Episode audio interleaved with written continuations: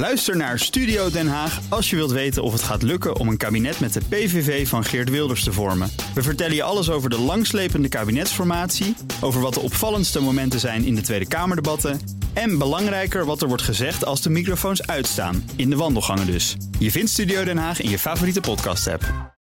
De column van Marianne Zwagerman.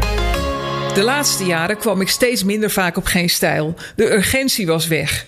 Maar goddank hebben ze zichzelf teruggevonden in een steeds braver wordend medialandschap waar niemand meer de rauwe werkelijkheid toont terwijl de wereld steeds ruiger wordt. Met de Peter R-beelden, de Gooise kopschoppers en maandag de video van de schietpartij in de Bijlmer waar een voetballer een kogel door de kop kreeg, is geen stijl weer de plek waar de nieuwsjunk de akelige werkelijkheid aantreft zoals die zich voordoet. Hoofdredacteur Bart Nijman twitterde de Bijlmerbeelden ook. Met de verzuchting dat het hem wel weer een tijdelijke ban op de socials op zou leveren. Dat is niet ondenkbaar. Technologiebedrijf Google, dat geen nieuwsredactie heeft en geen journalistiek bedrijft, verbiedt Sky News in Australië om video's te uploaden naar zijn 1,8 miljoen YouTube-abonnees, omdat de nieuwszender medische desinformatie zou verspreiden.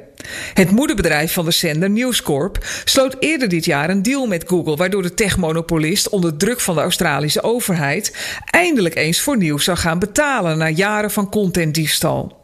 News Corp krijgt substantiële vergoedingen voor items die Google toont in de zoekresultaten. En Google zou mee gaan investeren in videocontent.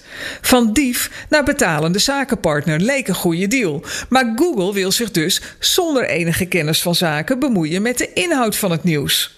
De CEO van News Corp zei in februari nog dat de samenwerking wereldwijd een positieve invloed op journalistiek zou hebben. Hij bedankte Google voor het getoonde commitment. Dat klonk toen al ongeloofwaardig en dat bleek het ook. Google wil best geld verdienen aan nieuws, maar het is niet de bedoeling dat nieuwsbedrijven kritische items maken over het coronabeleid van regeringen. Corona blijkt een goudmijn voor de techreuzen. Elke activiteit die in de fysieke wereld tot stilstand kwam, joeg extra dollars en euro's naar de techbedrijven, zonder het FD op.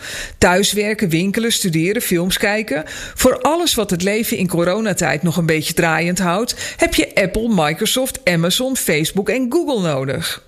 De corona-injectie leverde Google-moederbedrijf Alphabet 62% meer omzet op in het tweede kwartaal en de winst verdrievoudigde. Objectief nieuws de nek omdraaien om die feestvreugde in stand te houden is een kleine moeite voor de techreuzen. Hoog tijd om de bank-app te trekken en kleine journalistieke strijders te steunen.